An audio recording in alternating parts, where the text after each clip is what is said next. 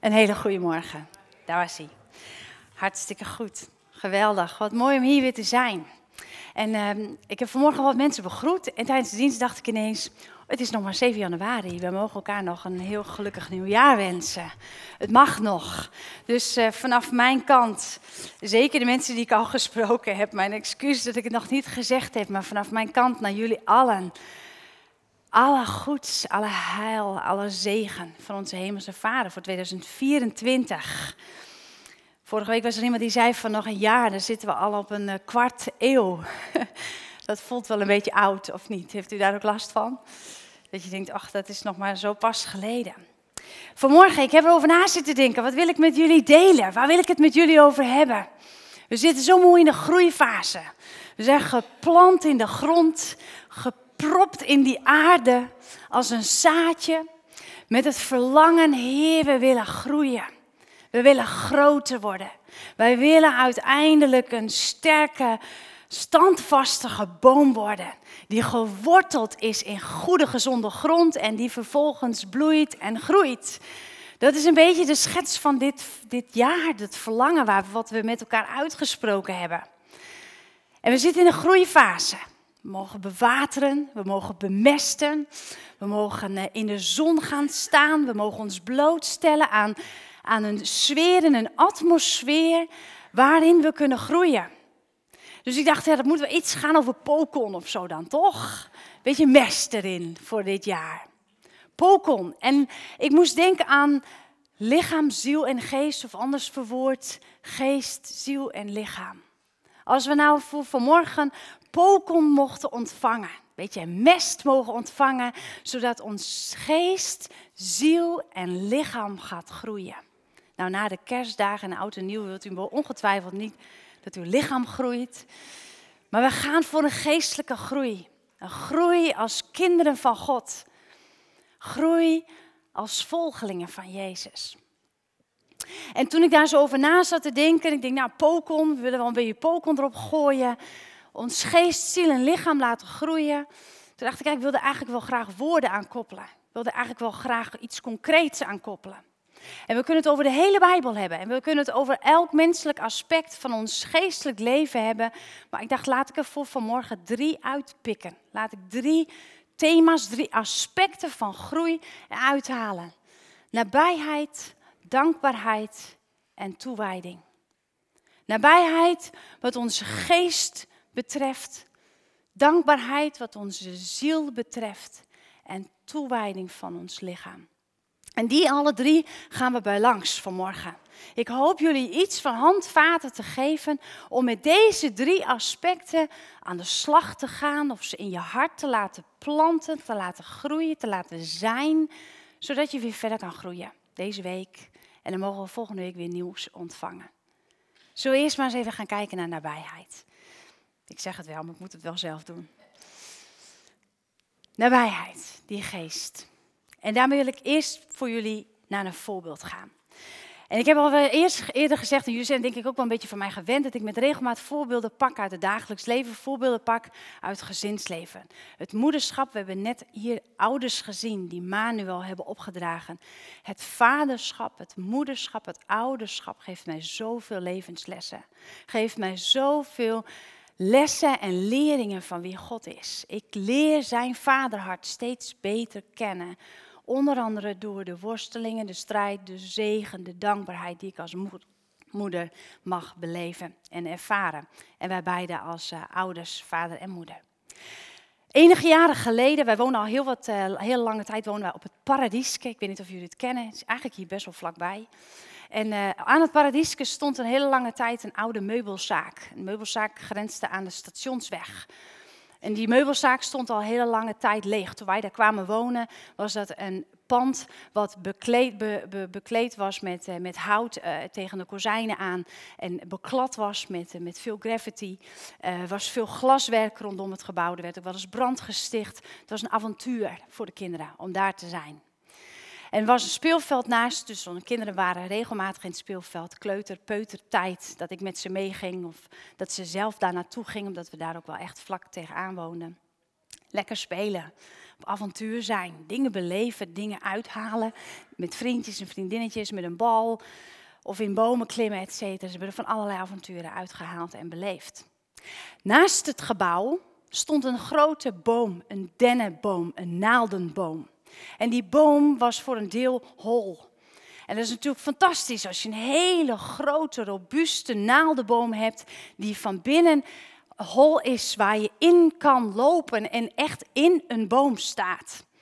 Maar die boom nodigt natuurlijk ook uit, niet alleen voor kinderen, maar ook voor heel veel volwassenen en jongeren, om daar troep achter te laten. Dus het was een boom die hol was en van binnen vol met blikjes, glas. Soms lagen er wel naalden, uh, zakjes van waar wiet in had gezeten. Het stonk er enorm naar urine. Soms stonk het er ook naar ontlasting, echt menselijke ontlasting. Het was een enorm vieze vieze boom.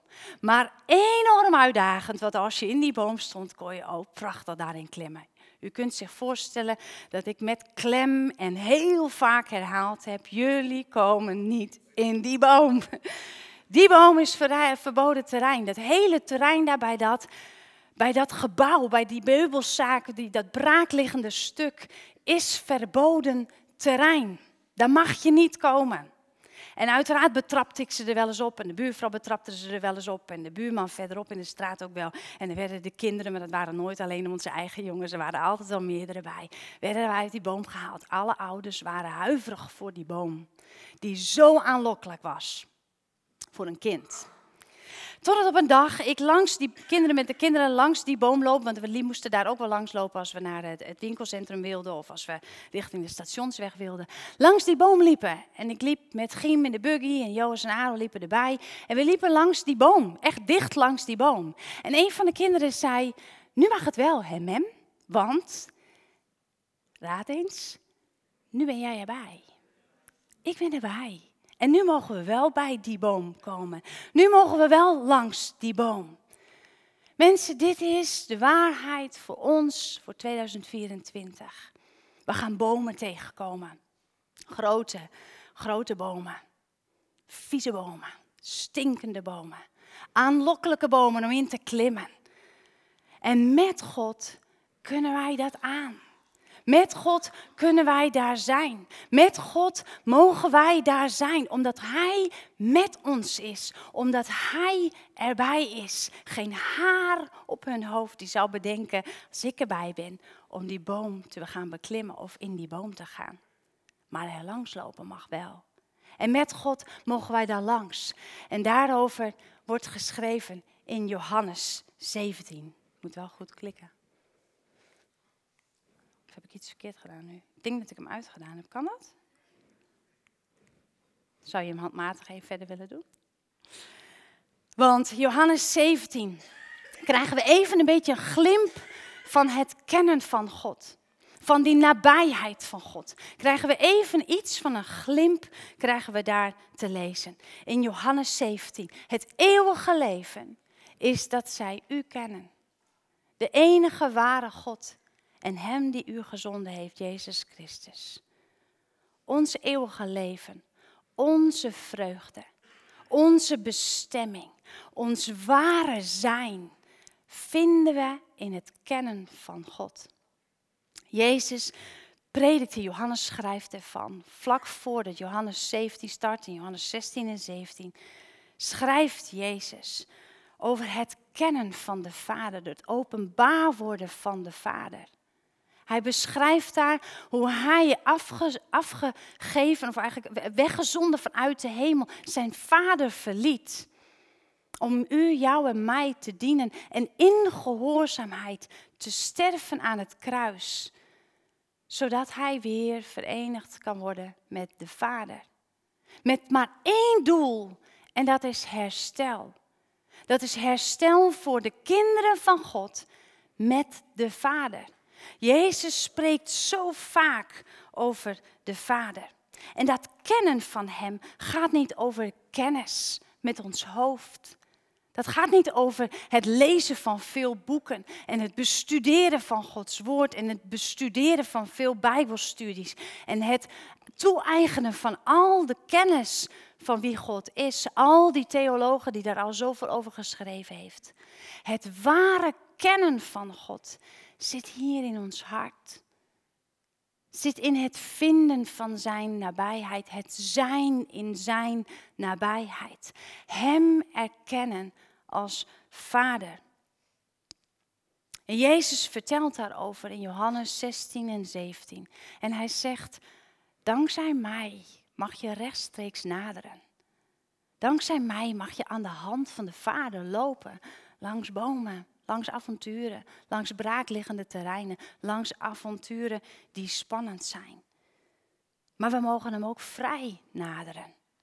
Wij, jij en ik, bij het erkennen en het kennen van God als Vader, hebben alle vrijheid om bij Hem te komen. We hebben zo pas gezongen. Het komt door uw naam. Nou, dat staat in Johannes 16, vers, moet ik het goed zeggen, 23. Maar ik verzeker jullie, wat je de Vader vraagt in mijn naam, Hij zal het je geven. Tot nu toe hebben jullie niets in mijn naam gevraagd, maar vraag het en je zult het ontvangen. En dan zal je vreugde volmaakt zijn. Het komt door Jezus' naam dat wij Hem, de Vader, mogen benaderen. Dat wij tot de Vader mogen komen. Dat wij in Zijn nabijheid mogen zijn. Namens Jezus mogen wij aan de Vader vragen wat wij willen. En Hij zal het geven. Die naam van Jezus, daar zit zoveel kracht in. Maar ook staat er, jullie zullen het zwaar te verduren krijgen. Jullie zullen het lastig krijgen. Jullie zullen het moeilijk krijgen. Er, zal het, er zullen tijden komen waarbij het leven zwaar is. Door datgene wat er in de wereld gebeurt, nou we kunnen er legio dingen en voorbeelden aanhalen. En er is veel ook over gesproken, al ook in het einde, richting het einde van 23. En nu zo voor afgaand aan 24 ook een cadeautje. Maar soms is het ook wel een beetje spannend, laat het maar ingepakt. Want ik weet het eigenlijk niet zo goed of ik wel wil weten wat er dit jaar nog staat te gebeuren. Maar niet alleen dat, ook ons geestelijk leven. Waar wij veelal denken dat wij niet met beproevingen te maken hebben. Dat wij niet uh, vervolgd worden. Maar als wij werkelijk doen wat God de Vader van ons vraagt, dan worden we vandaag al vervolgd. Want Jezus werd om wie hij was in een, of is in een, uh, in een religieuze omgeving gedood. Zijn rechtvaardigheid maakte dat hij moest sterven. Zijn wie hij was, zijn gehoorzaamheid maakte dat het volk hem uitspuwde. Wij zullen zware beproevingen krijgen omdat onze moraal zo haak staat op de seculiere wereld. Zo haak staat op dat wat God van ons vraagt. En onze moraal, onze navolgelingschap van Jezus is verre van religieus. En ik geloof dat we oprecht nog heel lang religieus kunnen zijn in dit land. Maar navolgelingen van Jezus staan voor wat Hij van ons vraagt leven zoals Hij leefde, dan krijgen we het zwaar. Maar wat zegt Jezus dan? Door het kennen van de Vader, door het werkelijk weten wie de Vader is, zal je zien en ervaren, ik heb de wereld overwonnen. Houd moed, want ik heb de wereld overwonnen. En dan komt hij bij vers 3. Het eeuwige leven dat begint vandaag bij het kennen van Hem. Het eeuwige leven zit in het dieper bewustzijn dat God als een vader hand in hand met jou langs avonturen loopt. Dat is het leven. Dat is het werkelijke eeuwige leven. Tot zover nabijheid. De beoefening van onze geest. Het groeien in onze geest. De pokon voor onze geest gaan we naar onze ziel. Dankbaarheid. Dankbaarheid is als pokon voor onze ziel, wist u dat? Is als mest, als water, als zon. Ons hart, ons ziel groeit zo enorm door dankbaarheid. En ik heb aan de lijve ervaren wat dankbaarheid doet als een ziel beschadigd is geraakt. Maar eerst Efeze 5. En dank God die uw vader is in alles. En altijd in de naam van onze Heer Jezus Christus. Dankbaarheid. Ik zou jullie meenemen in een verhaal wat ik zelf beleefd heb aangaande dankbaarheid. Hier zie je twee prachtige kinderen. Schattig. Ik, heb, ik denk dat het zes jaar terug is, maar ik weet het, het precieze aantal niet eens meer. Over een aantal jaren kan ik deze foto nergens meer tonen, ben ik bang. maar uh, dat blijf ik wel doen, want dit is een bijzonder verhaal. Wat is er gebeurd op achtjarige leeftijd, toen ik zelf acht jaar was? Is inmiddels dus al een uh, eh, 32 jaar terug, kunt u rekenen. Verloor ik mijn broer op de intocht van Sinterklaas. Ik was als achtjarige samen met mijn zus van zes en een vriendin naar de intocht van Sinterklaas in het dorp waar wij woonden. En uh, daar vieren wij, zoals elk kind dat doet, de intocht van Sinterklaas. Met veel zwarte pieten, met veel pepernoten en chocolademelk. En de, uh, het verlangen naar een prachtig pakjesavond. Ik kwam thuis aan het eind van de middag en mijn ouders waren huilend aan de telefoon. Althans, mijn moeder, ik zie er nog staan. Mijn broer 17 jaar, ongeluk gehad, was aangereden in, met de auto in het dorp. En we hadden de sirenes onderweg ook wel gehoord, natuurlijk geen link gelegd. Maar eenmaal thuis bleek het behoorlijk mis. We aten bij de buurvrouw en aan het eind van de avond, of begin van de avond, kwamen mijn ouders weer terug. Hij leeft niet meer. Mijn broer overleden. Acht jaar was ik. En vanaf dat moment kunt u zich voorstellen dat Sinterklaas nooit meer hetzelfde geweest is. We vierden het überhaupt thuis niet meer op de manier zoals we het altijd vierden. Mijn ouders waren zoekende. Hoe ga je dat dan nu nog weer inkleden, nu dat zo besmet is geraakt, als het ware? Jarenlang zat ik in de puberteit en had ik dus niet zoveel met het hele Sinterklaasfeest. En je beleeft uiteraard een, een rouwperiode die ingewikkeld is, zeker als je puber bent, zeker als je te maken hebt met andere broers en zussen die allemaal op een eigen manier een broer moeten missen. En je zelf als achtjarige enerzijds te jong, anderzijds te oud bent om, om daar goed woorden aan te geven en goed mee om te gaan, misschien ook wel. En op een gegeven moment was ik um, ver in de twintig en we kregen onze oudste, Joas. En ik weet nog, want we kinderen hebben lang uh, hier op school gezeten op het ambeeld, dat er een intocht was van Sinterklaas waar wij met de kinderen naartoe gingen. En ik huilde. En toen ik het ook weer huilen, maar goed. Uh, ik huilde. Ik, kan, ik kon alleen maar huilen. Ik denk, hoe kan ik nou huilen bij de zak van Sinterklaas? Sinterklaas? Waarom? Waarom, waarom komen die tranen bij die liedjes? Waarom komen die tranen bij, bij, bij de hele entourage en de hele sfeer? Ik kon het niet plaatsen. Ik kon, het niet, ik kon de vinger er niet op leggen. En um, de jaren verstreken en iedere keer dan keek ik weer zo ontzettend op tegen die aanloop naar 5 december. Het werd een ding. En het werd vooral een ding omdat ik dacht, ja, dan sta ik daar op dat plein maar ook bij de intocht hier in Drachten, dan sta ik daar te huilen en mijn kinderen, hoe, uh, wat, wat is dit? En het heeft denk ik wel een drie, vier jaar zo geduurd dat ik huilend, geëmotioneerd was bij, die, bij het Sinterklaasfeest. Totdat ik op een gegeven moment ontdekte. En ik was daar ook wel over in gebed met God. Jullie zien wel vaker bij mij tranen. Dat is een beetje een ding bij mij. Een beetje een doorn. Ik denk dan dat, maar nou ja, Paulus leerde daar dat dat Gods genade is. Dus voor mij is ook nog hoop. Maar ik baalde daarvan. Dat ik daar huilde. En dat, ik daar, dat daar blijkbaar nog een pijn zat. En toen heb ik daar ook wel voor gebeden. En, en, en, en, en ineens kwam er een inzicht. Hanna, je bent getraumatiseerd. Jij hebt, dat, je hebt je overlijden van jouw broer gelinkt aan een Sinterklaasfeest. Wat heel logisch is, wat heel normaal is en wat heel gewoon is. Dus die liedjes roepen die herinneringen weer op. En die geur van speculaas roept die herinnering op. En dat mag er zijn. Dat is er. En dus daar kon ik doorheen. En het was wonderlijk dat ik dacht, als dat zo is, dan kan het ook zijn dat ik over 50 jaar of over 20 jaar, uh, dat daar herstel gekomen is. En dat ik mijzelf als het ware, uh, of, of mezelf, maar dat daar genezing kan komen. Dat ik mogelijk over 10, 20 jaar bij het horen van die liedjes denk aan mijn eigen kleine kinderen. Met gevulde kinderhandjes vol speculaas. Als die herinnering destijds gelinkt was aan het overlijden van mijn broer, dan moet het toch later een herinnering kunnen zijn aan mijn kinderen. En zo ging ik oefenen. Letterlijk oefenen. Ik zette zelf kinderliedjes op, Sinterklaasliedjes op. En dan dacht ik aan de kinderen. En ik zette liedjes op en ik had speculaas. En dan was ik niet bezig met het overlijden van mijn broer, of het gemis van hem, of de pijn, of de, de trauma en het verlies van, van, van destijds. Maar ik ging bewust herinneringen van mijn eigen kinderen plakken op Sinterklaasliedjes en de hele Sinterklaasfeest. Tot een dag deze. Zes jaar, Alisa, nichtje. Dochter van mijn zus.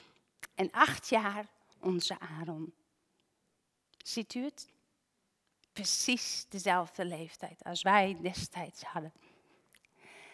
En de enige van de vijf kinderen die wij gezamenlijk hebben, mijn zus en ik, met onze partners uiteraard. De enige van de vijf die wilde blijven. De rest was hier allemaal aan huis gegaan. De mannen waren met de andere kinderen naar huis. En zij wilden nog een rondje Sinterklaas. Nog een rondje langs die pieten. De handjes, u ziet het, gevuld met pepernoten. En we waren samen een koffie aan het doen bij de Waag in het centrum van Drachten. Nou, toen ik deze foto bekeek, want die maakte ik, omdat zij met z'n tweeën nog even langs Sinterklaas wilden, nog even weer langs de pieten wilden. En elke, elke intocht beleefde ik met mijn zus en daarna haalden we ook herinneringen op. En in dit geval zaten we in de wagen en ik liet haar die foto's zien. Ik zei, zie het? Ze zijn precies even oud. Precies even oud als wij destijds. En we stoppen ze straks in bed. Gezond. En we stoppen ze straks in bed. Zonder het verlies van een broer. Zij kennen niet een lege stoel. Zij kennen geen ouders die de pijn hebben van het verlies van een kind. Zie je het? En we zagen het. En ons hart werd zo vervuld met dankbaarheid. Tot op de dag van vandaag ben ik zo, zo ontzettend dankbaar. Omdat God in staat is door dankbaarheid zoiets traumatisch te brengen tot Siana. Wat een zegen, wat een genade. En dan zie je, zie je wat ik jou geef. En tot op de dag van vandaag, ieder jaar weer, bij de intocht denk ik, ik stop ze vanavond weer gezond in bed. Ze leven. Ik leef. Mijn familie leeft. Mijn gezin leeft. Mijn kinderen leven. In gezondheid. En we vieren het speculaas. En dat eten wij. En we zingen Sinterklaasliedjes. En we vieren die traditie en het, en het plezier. En los van de hele discussie hoor, daar ga ik helemaal niet op in. Daar kan ik van alles van vinden. Mogen we van alles van vinden. Maar het feit dat dat feest en het feit dat die dankbaarheid gemaakt heeft dat er een stuk genezing kwam, dat vind ik nog steeds zo bijzonder. Dat vind ik nog steeds zo'n groot geschenk van God. Deze twee zijn inmiddels pubers. Nog steeds Sinterklaasliefhebbers, maar dat gaat echt alleen maar om de cadeaus en het speculaas. Maar deze foto is zo'n dierbare herinnering voor mij geworden. Juist omdat ze er zo samen staan. En Voskamp zegt hierover.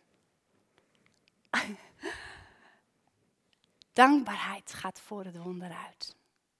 Wil jij vandaag een wonder van God ervaren? Herstel in je ziel, genezing in je ziel.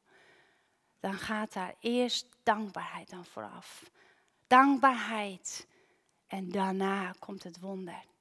Dankbaarheid en daarna komt de genezing. Dankbaarheid en daarna komt het herstel. En waar begint dat mee? Erkennen. Had bij mij een lange weg om te erkennen, er zit een pijn, er zit een verdriet, er zit een trauma bij jou. En die moet jij oplossen.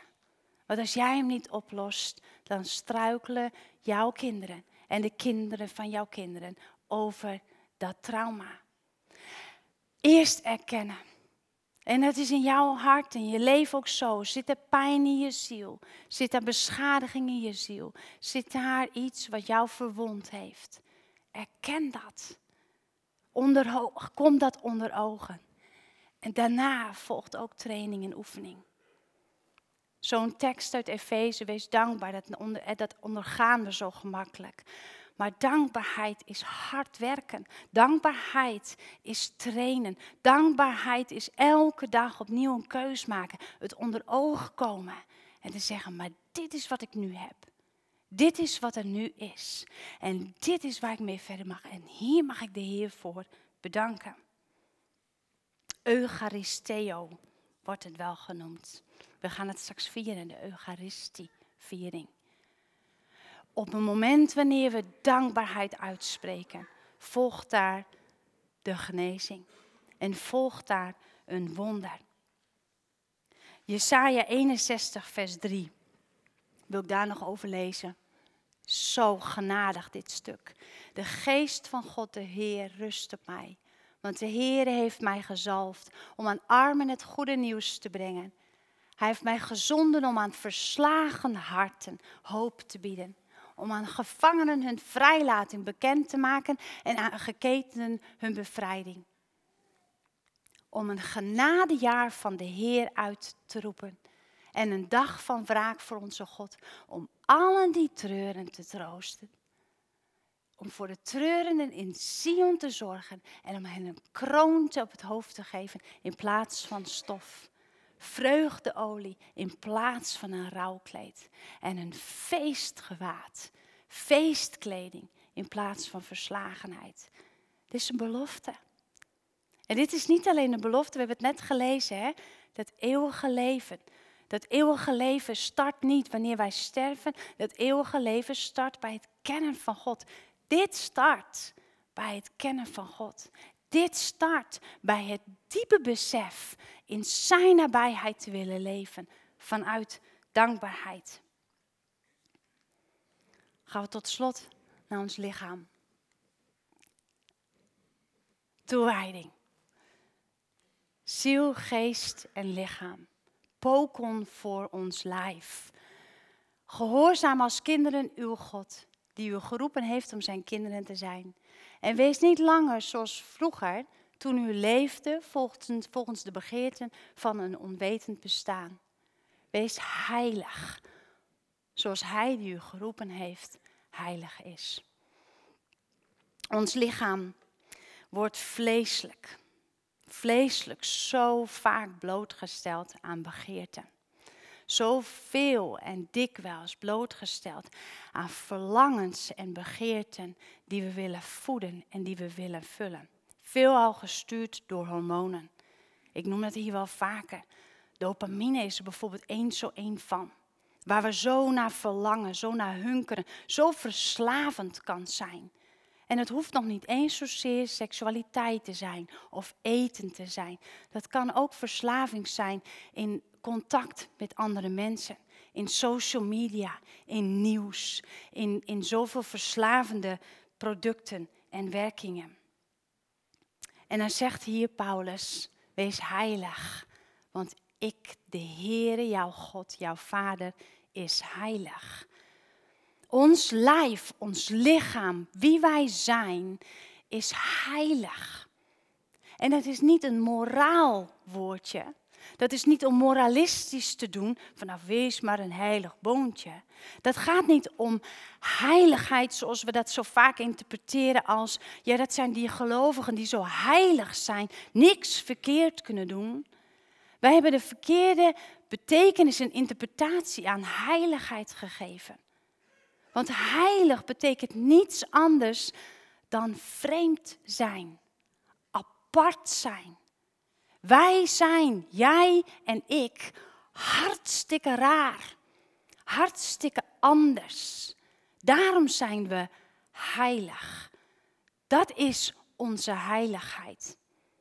Een voorbeeld daarvan zijn onder andere in de tempel de, de uh, materialen die in de tempel gebruikt worden, de kannen en de kruiken voor de eredienst van onze hemelse God.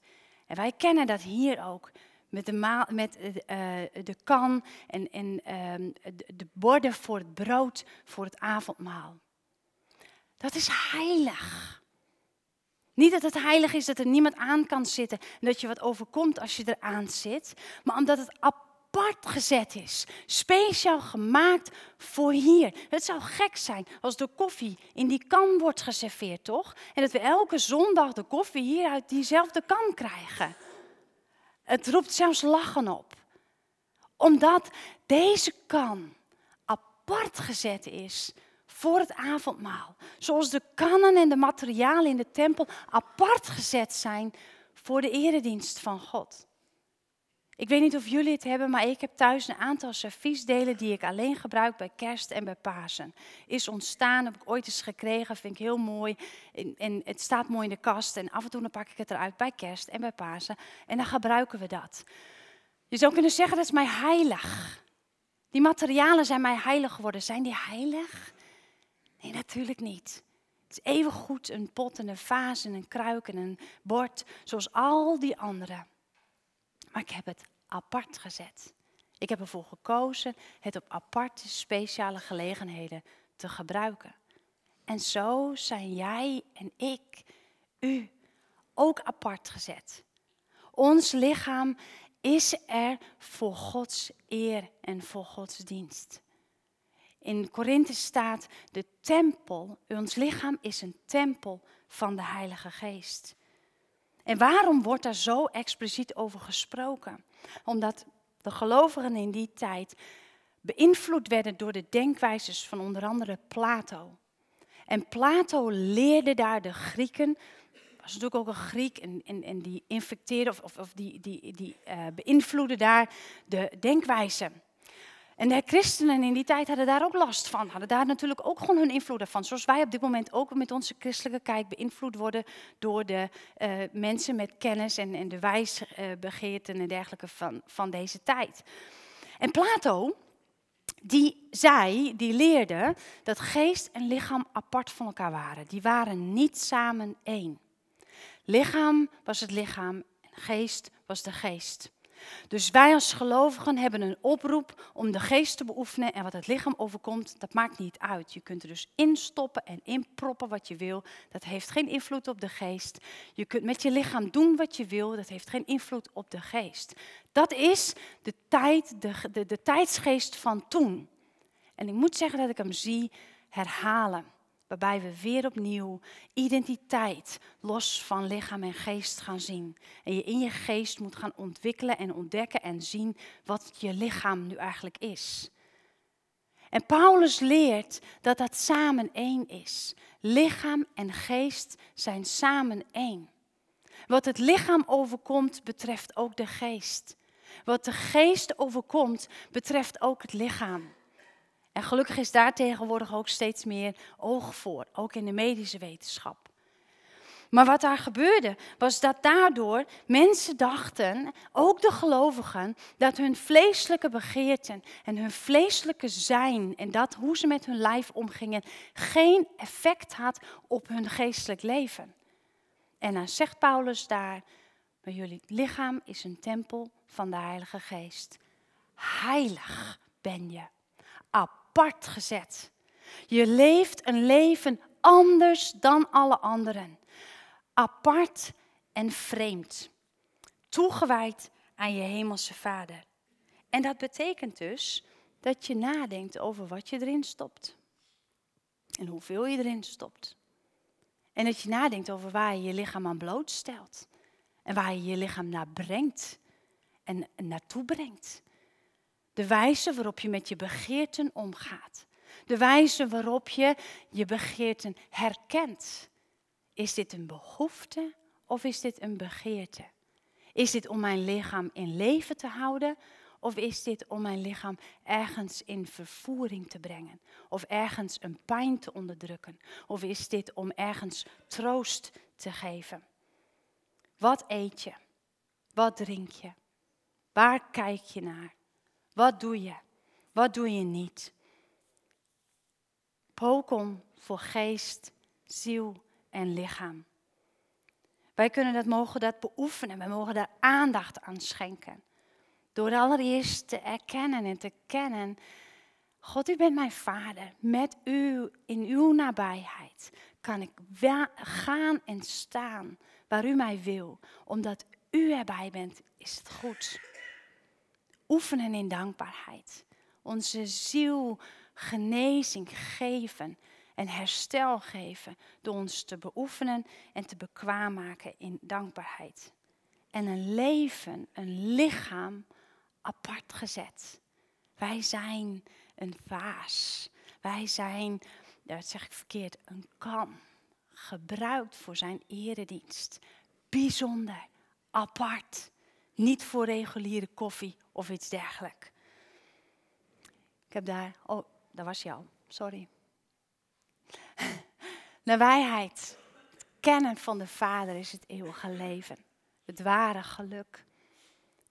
En de vragen die erbij horen voor jullie voor dankbaarheid is: waar, welk wonder verlang jij naar?